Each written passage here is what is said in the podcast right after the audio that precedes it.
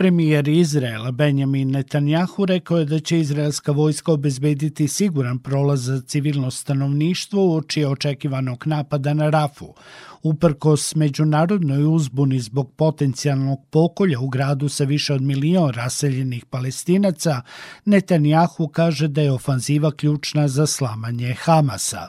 Pobeda je nadohvat ruke. Suočit ćemo se sa preostalim terorističkim jedinicama Hamasa i Rafom, poslednjim uporištem, ali ćemo to učiniti. Osigurat ćemo siguran prolaz za civilno stanovništvo. Razrađujemo detaljan plan za to. Nismo neozbiljni. Rafa je jedno od najgušće naseljenih mesta na svetu prepuno dece i porodica, od kojih su neki već mnogo puta raseljeni zbog rata u Gazi.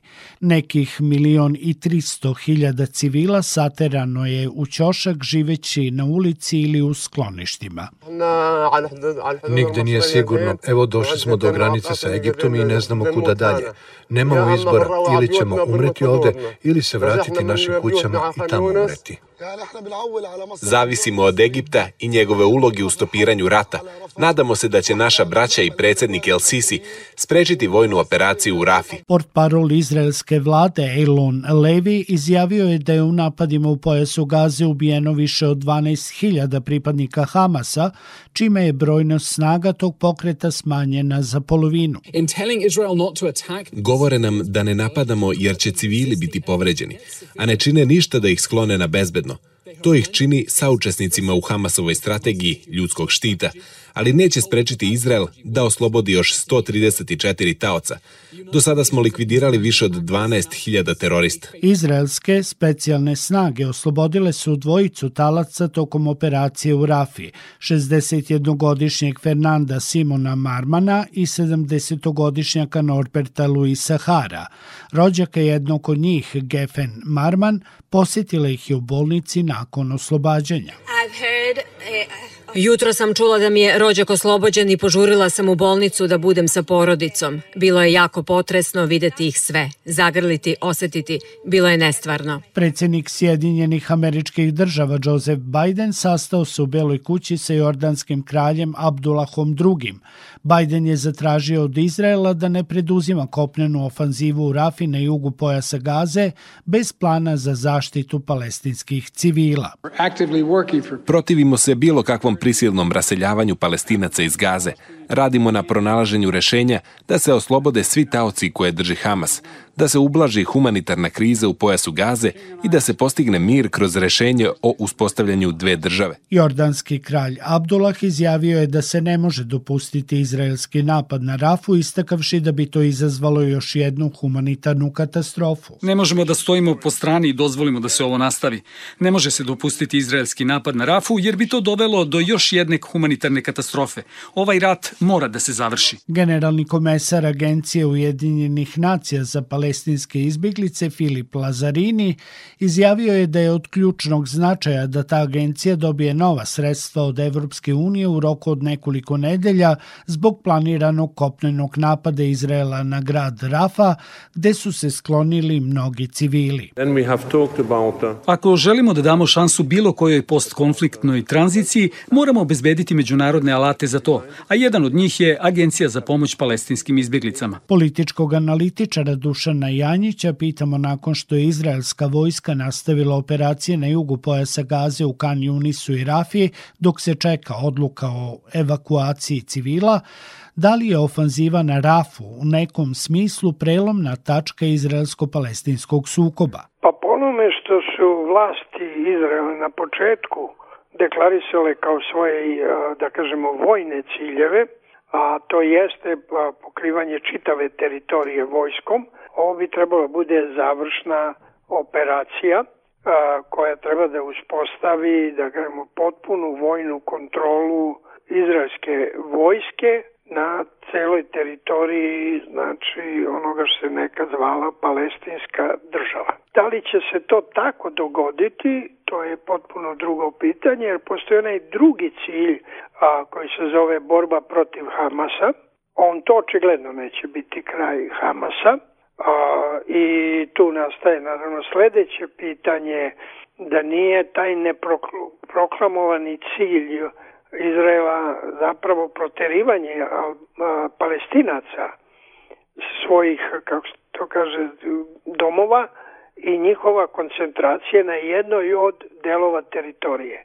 Dakle, to je ono što će se tek videti, ali u svakom slučaju ta operacija nosi sa sobom taj rizik ne samo još novih žrtava palestinskih, nego i da ta čitava, da kažemo, operacija dobi, da pokreda novi oblik ratovanja u koji bi se uključile i zemlje regiona, arapske pre svega, Iran i drugi, jer oni neće gledati proterivanje, e, kao što Egipat ne otvara granice, proterivanje palestinaca van Izraela. Sastanak u Kairu na kome se razgovaralo o okvirima primirja završen je bez konkretnog rezultata. Okupili su se direktor CIE William Burns, katarski premijer Mohamed bin Abdul Rahman El Tani, egipatski zvaničnici i izraelska delegacija predvođena šefom Mossada Davidom Barneom i direktorom Shinbeta Ronenom Barom.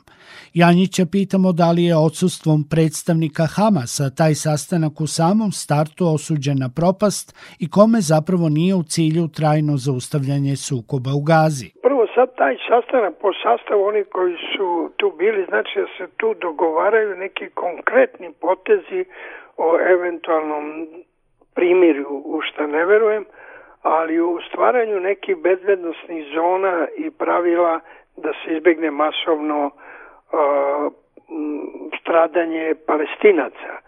Dakle, ako nešto možemo iz toga očekivati, to je neko bezbednostne teritorijalne zone, kopnene zone bezbednosti ili moguće privremeni humanitarno izbeglištvo palestinaca u Egipat, kao što je na primjer bilo 99. godine kada je organizovano to humanitarno iseljavanje Albanaca sa Kosova. Znači, nama je to poznato, a s obzirom na one koji su učestvuju u sastanku i njima je to jako poznata metodologija, tako da je to, ne možemo iz toga očekivati da kažemo završetak koji mogu sve strane da proglase e, konačnim, ali to može da bude kraj vojne operacije, da posle toga se promeni dalje oblik, znači bilo policijska kontrola, ali u svakom slučaju da se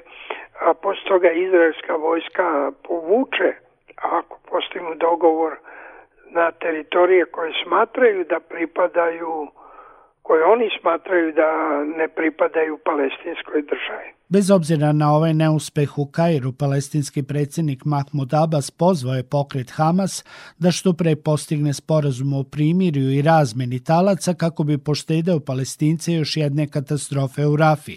On je za katastrofu upotrebio termin Nagba koji se odnosi na etničko čišćenje Palestine 1948. godine kada je proglašena država Izrael. Gospodine Janjiću, koliko ofanziva Rafu znači i humanitarnu katastrofu? Da bi se bolje zbog slušalaca razumeli, dobro je bilo šta nego ništa.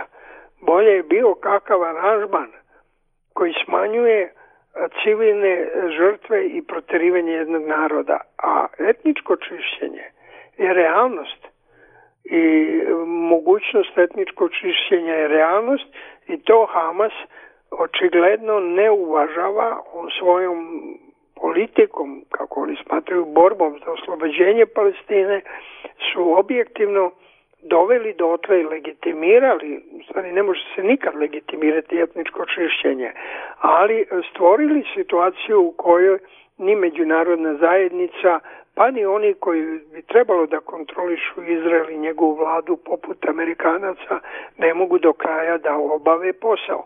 Znači, realnost je etničko čišćenje. Ja lično smatram, osnovu svih analiza a, ovoga što sam radio i to o tome sam govorio već na samom početku a, sukoba, ta priča o Mossad iznenađen i slično. Ne, ona je prikrivala taj cilj da se Palestin, da se formira nekakva, jer to je taj cilj koji ima na Tanjahu, a, da se odredi to gde je ta druga palestinska država a da se što manje, što više uzme teritorije, da se što više gurne ka Egiptu. I s druge strane u toj vladi su i ljudi koji su aktivno učestvovali u terorističkim akcijama i militantnim grupama jevrejskim, izraelskim, koji su kroz naseljavanje ilegalno mimo sporazuma iz 93. godine iz Osla i tekako širili prisustvo. Oni su sada u vladi, oni imaju veliki uticaj na vojsku i na ostalo, tako da je revolt, kako ga zovu u političkom smislu Izraelci, on želi zapravo da reši problem tako što ima što manje palestinaca, kad je manje palestinaca, onda nemamo problem. Janjića pitamo da li je stekao utisak da je Amerika pod sve većim pritiskom svetske javnosti pa i svojih zapadnih saveznika da obustavi vojnu pomoć Izraelu i da li je Bela kuća sve bliža stavu da bi zbog izborne godine ovaj sukob trebalo okončati.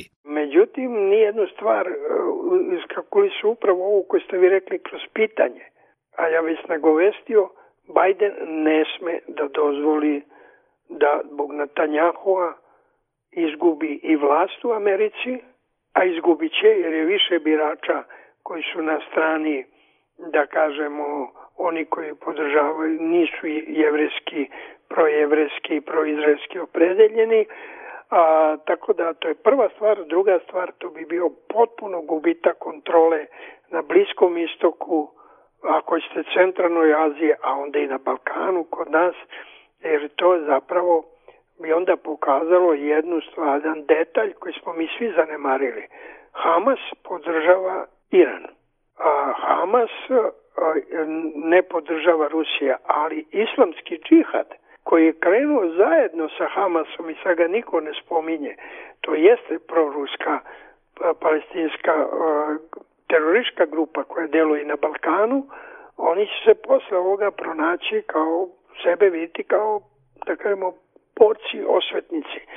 Dakle, velike bi rizik bio za Bajdena da dozvoli obnovu Rusije i to jaču nego što ikad imala samom Izraelu, da onda Iran preuzme preko Hezbulaha kontrolu potpuno nad Libijom, Libanom i naravno na centralnoj Aziji.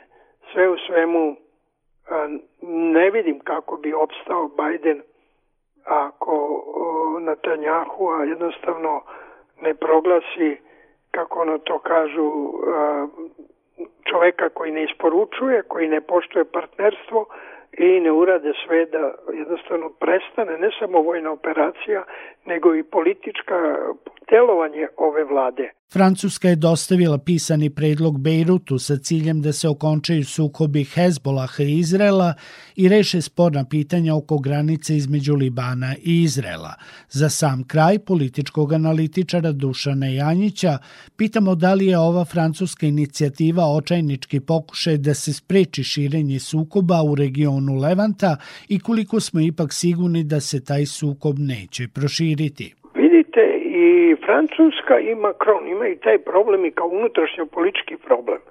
Jer tu se radi o nekadašnjim kolonijama e, Francuske, a, najpoznati Alžir, a jednostavno kako imate, na primjer, u Americi milion ljudi koji će izaći na proteste, a što za Ameriku je veliko, ali nije odlučujuće, u Francuskoj milioni izlaze na proteste u znak podrške palestincima.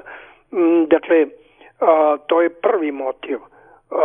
Drugi motiv je jednostavno Francuska nove ratove, finansiranje novih ratova koji je bio uvučen NATO ne može da isfinansira i ne želi da isfinansira velike otpore. I treća stvar, uticaj, uticaj zemalja poput Irana i saradnje s njima energetike i ostalo, pa ako hoćete i Turske, vidite po stavu Turske je takav da su to prirodni saveznici zapravo Francuske, a Francuska ne može tu da dugo prati Ameriku, jer jednostavno bliski istok, istok je granica Evrope, a neki su čak teli Izrael da prime ako i u Eurosong, a i u Evropsku uniju. Dakle, to je za Francusku jedina moguća ili za vlast Francuske jedina moguća odluka. Mislim da čak i ako izbori dovedu Le Penu i tu desnije strukture, će oni još biti radikalniji protiv američke podrške Izraela. 11 civila, uključujući šestoro dece, ubijeno je preključe u izraelskim napadima širom južnog Libana, rekli su direktor bolnice i tri libanska bezbednostna izvora. Izrael je tim napadima odgovorio na raketni napad libanske militantne grupe Hezbollah, u kojem je ubijen vojnik. Sektor Plus. Svet sa naslovnice.